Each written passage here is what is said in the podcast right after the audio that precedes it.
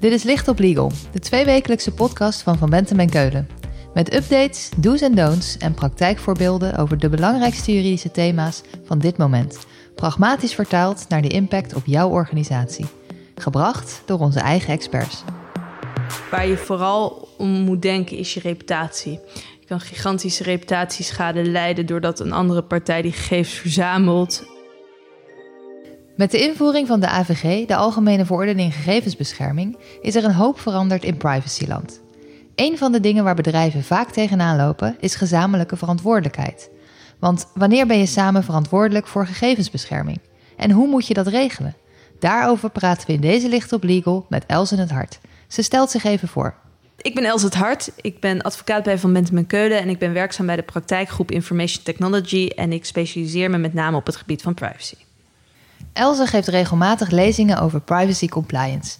Ze is dus bij uitstek de expert om je bij te praten over gezamenlijke verantwoordelijkheid. Maar wat wordt nou van je verwacht onder de AVG? Moet er eigenlijk een overeenkomst worden gesloten tussen twee verantwoordelijken? Er moet tussen uh, twee of meer partijen die gezamenlijk verantwoordelijk zijn, een onderlinge regeling getroffen worden over de verdeling van hun verantwoordelijkheid en hoe er om wordt gegaan met betrokkenen. En de essentie van die regeling moet ook uh, uh, aan de betrokkenen worden gecommuniceerd in het privacy statement wanneer is er nou sprake van gezamenlijke verantwoordelijkheid? Er is sprake van gezamenlijke verantwoordelijkheid als twee partijen uh, gezamenlijk het doel en de middelen uh, van de ver verwerking, de verzameling, uh, het opslaan, het bewaren van persoonsgegevens bepalen. wanneer is er nou sprake van gezamenlijk bepalen, daar is men heel erg over in discussie. Vroeger zei men dat daar niet zo snel sprake van was, dat het alleen is als je echt samen om de tafel gaat zitten en, en, en, en bijvoorbeeld een systeem bedenkt uh, uh, over uh, hoe je omgaat met gegevens. Bijvoorbeeld, we hebben een gezamenlijke website waarmiddels wij gegevens van personen verzamelen. Dat er dan sprake was van gezamenlijke verantwoordelijkheid. Maar op basis van recente jurisprudentie zien we dat er al heel veel eerder sprake is van gezamenlijke uh, verantwoordelijkheid. Oké, wacht. Je bent dus al heel snel samen verantwoordelijk voor gegevensbescherming. Kan je daar een concreet voorbeeld van geven? Ja, een, uh, een recent voorbeeld is het arrest van het Hof van Justitie. Dat gaat over de Vind ik leuk button van Facebook. Dat kan een bedrijf op zijn website integreren, zodat mensen uh, via Facebook uh, zo'n website leuk kunnen vinden. wat gebeurt er op het moment dat je die knop integreert op je website? Kan Facebook direct en automatisch gegevens verzamelen van mensen die de website bezoeken. Als website-eigenaar heb je daar eigenlijk verder weinig controle over, want Facebook genereert automatisch uh, uh, van alle websitebezoekers die gegevens uh, en gaat die dan vervolgens voor de eigen doeleinden verwerken. Toch zei het Hof van Justitie dat ook in die zaak er sprake is van gezamenlijke verantwoordelijkheid, omdat je als website-eigenaar deelt in de vaststelling van het doel en de middelen. Je staat namelijk immers Facebook toe om die gegevens te verzamelen. Je maakt het mogelijk voor Facebook. En wat betekent dat? Uh, dit arrest heeft gigantische invloed. Want dat betekent dat niet alleen als je samen om de tafel gaat zitten en helemaal een plan verzint, maar ook wel eens dat je iemand toestaat om gegevens via jouw website te verzamelen, waar je dan ook zelf natuurlijk baat bij hebt. Um, dat je dan al gezamenlijk verantwoordelijk bent. Dat betekent dat je een heel, heel, stuk opschuift in de richting dat je heel snel gezamenlijk verantwoordelijk bent. En dat dus ook betekent dat je heel veel sneller die onderlinge regeling moet gaan treffen. En uh, nog een bijkomstig feit is dat je dan ook hoofdelijk aansprakelijk bent.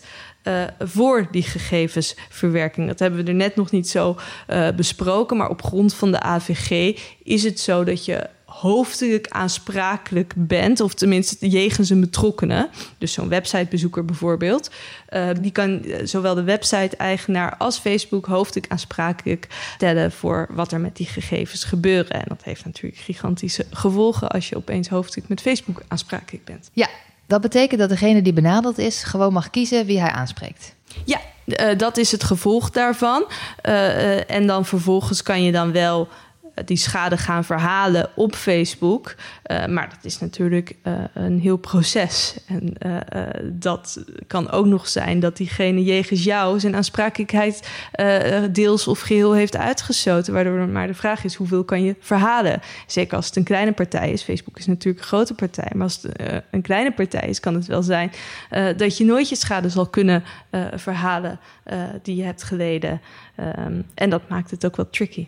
Maar even terug. Het doel van de AVG is toch burgers beschermen? Tegen die burgers kun je je aansprakelijkheid dan toch niet wegclausuleren? Nee, dat kan je niet zomaar wegclausuleren jegens de betrokkenen. Jegens de betrokkenen ben je altijd uh, dus aansprakelijk. Dat is ook de reden dat die hoofdelijke aansprakelijkheid er is. Dat is juist om die betrokkenen uh, te beschermen en te zorgen dat die betrokkenen altijd kan verhalen. Maar partijen kunnen onderling vervolgens wel hun aansprakelijkheid beperken of uitsluiten. En uh, dat maakt wel dat je misschien, als je aan het begin van een keten staat waarin allerlei gegevens worden verwerkt, sneller aangesproken wordt en dat niet allemaal kunt verhalen op een ander. Oké, duidelijk. Dit is een mooi online voorbeeld. Dan ben je dus al heel snel samen verantwoordelijk. Maar hoe zit dat in de offline wereld? Er zit nog een heel grijs gebied. We hebben net deze, dit arrest van het Hof van Justitie uh, gehad. En dat zit inderdaad voornamelijk in uh, de online wereld. De vraag is in hoe snel dat in de offline wereld ook het geval uh, zou zijn. Er is eigenlijk maar één zaak echt voor het Hof van Justitie geweest daarover. Maar het is nog niet helemaal duidelijk. Wat we weten is dat als jij verplicht bent op grond van de wet uh, om gegevens met een partij te delen. Denk bijvoorbeeld aan de Belastingdienst of aan de UWV um, of aan de politie. Uh, dan op dat moment is er sprake van separate verantwoordelijkheid. Je bedenkt namelijk niet samen het doel en de middelen. De wet bepaalt dat jij iemand de gegevens moet verstrekken. Tot nu toe hebben de toezichthouders altijd gezegd dat in zo'n geval er sprake is van separate verwerkingsverantwoordelijkheid. Maar of op grond van dit arrest nou uh, betekent dat iedereen met wie jij gegevens uitdeelt Um, bijvoorbeeld, nou, neem bijvoorbeeld een leasemaatschappij uh, aan wie de werkgever gegevens verstrekt voor de leaseauto. Die leasemaatschappij gaat zelf ook gegevens uh, verzamelen van die werknemer. daar wordt een en ander uitgewisseld. Of er dan sprake is van gezamenlijke verantwoordelijkheid, dat is even de vraag. En hoe ver gaat dat dan? Is dat nou ook met een reisorganisatie bijvoorbeeld, waarmee je gegevens als werkgever gaat uitdelen, of de reisorganisatie die uh, gegevens gaat uitwisselen met luchtvaartmaatschappij en een hotel om zodanig die reis mogelijk te maken. Um, is er dan ook sprake van gezamenlijk van? Dat is nog echt een grijs gebied en dat moet gaan blijken over de, de komende jaren hoe dat nou precies zit. Oké, het ene uiterste, wel samen verantwoordelijk, is dus het Facebook-voorbeeld. Het andere uiterste, niet samen verantwoordelijk, is als het moet van de wet. Maar of het dan wel of niet zo is, dat is dan toch enorm casuïstisch dat is heel casuïstisch en dat eh, heeft ook te maken met hoe bedrijven hun processen hebben ingericht, hoe je samenwerkt. Uh, uh, hoe je, uh, heb je een gezamenlijk systeem? Zodra, zodra je een gezamenlijk systeem hebt, zal je al snel als gezamenlijk verantwoordelijk worden aangemeld. Dus ook de wijze waarop samen wordt gewerkt, is daar heel erg van belang voor. Dus voor een bedrijfsjurist, en dan gaan we het al een beetje over de impact hebben voor een bedrijf, is het van belang dat ook voorafgaand, als je die gezamenlijke verantwoordelijkheid wil vermijden, is dat je ook voorafgaand gaat nadenken: kunnen we dat vermijden? Hoe kunnen we dat vermijden? Um, en toch ook afspraken maken onderling over hoe je omgaat met de gegevens. Ook voor het geval dat je, je hoeft, je kan bijvoorbeeld van tevoren zeggen dat je, dat je uh, niet, niet vaststellen dat je gezamenlijk verantwoordelijk bent, maar voor het geval dat je gezamenlijk verantwoordelijk bent, wel een aantal afspraken maken over hoe je dan uh, die verantwoordelijkheden verdeelt. En voor de zekerheid toch daar iets over in je privacy statement opneemt. Ook al ben je geen gezamenlijk verantwoordelijk op dat moment. Dus je zegt, als je gezamenlijk verantwoordelijk bent, maak dan afspraken over hoe je die gezamenlijke verantwoordelijkheid deelt. Zijn er nog andere dingen die je als bedrijfsjurist kan doen?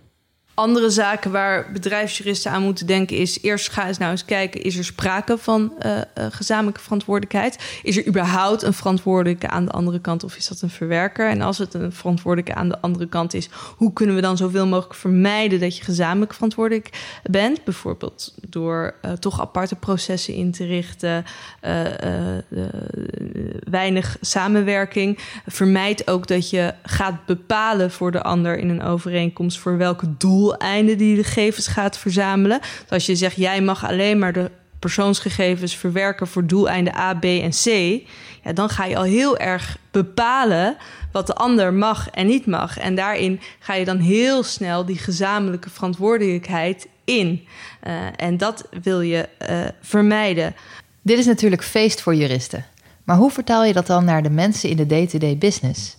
Die zijn niet de hele dag bezig met contracten opstellen over gezamenlijke verantwoordelijkheid. Nee, uh, de, de mensen in de business willen verder. En wat je vaak ziet, uh, is dat als ze op de bedrijfsjurist moeten uh, wachten, dat ze dat niet gaan doen. En toch gewoon verder gaan. Waardoor je toch wel risico's creëert voor de bescherming van je gegevens.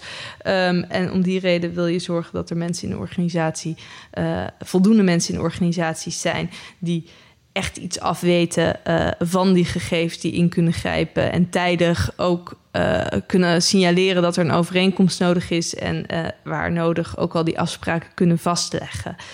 en dus die ook die kennis hebben. En hoe zie je dat dan voor je? Want vaak doen mensen met een half oog een online AVG-trainingje.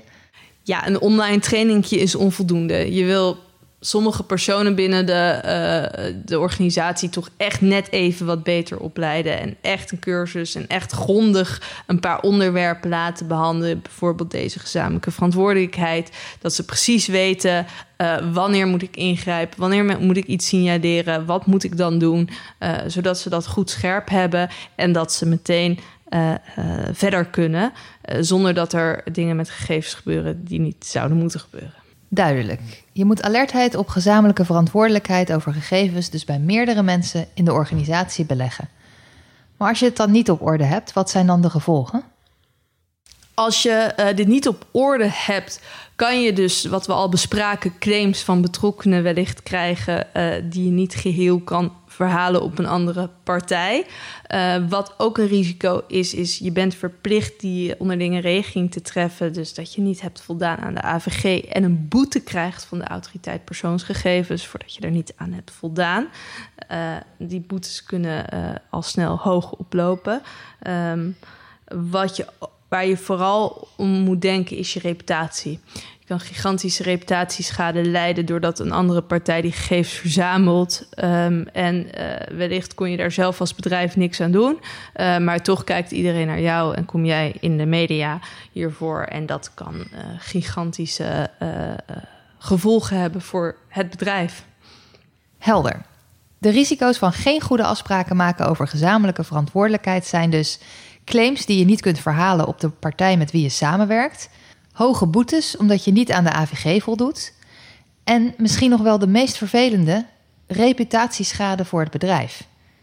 Elze, om af te sluiten, heb je nog een do en een don't die bedrijven direct kunnen toepassen na het beluisteren van deze podcast? Doel is inventariseer met welke derde er uh, gegevens worden uitgewisseld. Als dat verantwoordelijke zijn, sluit er dan uh, een overeenkomst mee en dan tegelijkertijd don't is, ga in het zuiden van zo'n overeenkomst niet te ver. Uh, ga niet vaststellen voor welke doeleinden die persoon uh, gegevens uh, mag verwerken en wat die precies allemaal daarmee mag doen. Want dan kom je al heel snel in de gezamenlijke verantwoordelijkheid terecht. Elze, dankjewel. Wat als ik meer wil weten over gezamenlijke verantwoordelijkheid? Dan kun je mij altijd mailen uh, of bellen. Mijn e-mailadres is elzethart.vwk.nl en uh, meer informatie staat ook op onze website. Dit was Licht op Legal, een podcast van Van Bentem en Keulen. Te beluisteren via Spotify, Apple Podcasts of je eigen favoriete podcast-app.